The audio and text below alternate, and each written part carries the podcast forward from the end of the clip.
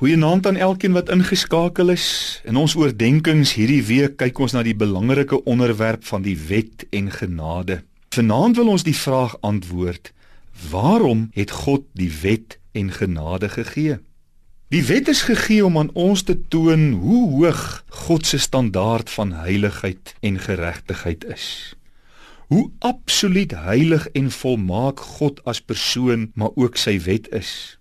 Maar is ook gegee om aan ons te toon hoe groot ons sonde en ons elende voor God is. Sonder die wet sou ons geen kennis gehad het van ons sonde nie.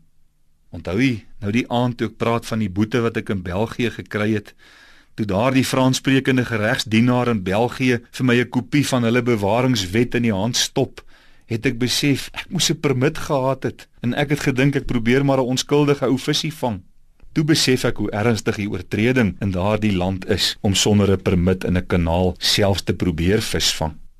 Maar die wet van God vertolk ook nog 'n ander baie belangrike rol.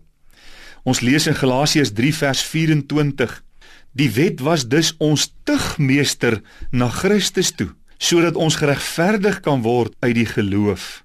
Terwyl die wet sê jy's 'n sondaar, het geen deel aan die heerlikheid van God nie.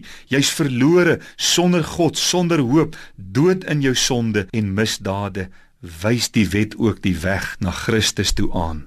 Dis my tugmeester, my wegwyser na Christus dat ek by genade kan uitkom. Dis 500 jaar gelede dat Martin Luther sy 95 stellings aan die kerkdeur te Wittenberg in Duitsland gaan vasspyker het en die reformatie in alle erns begin het.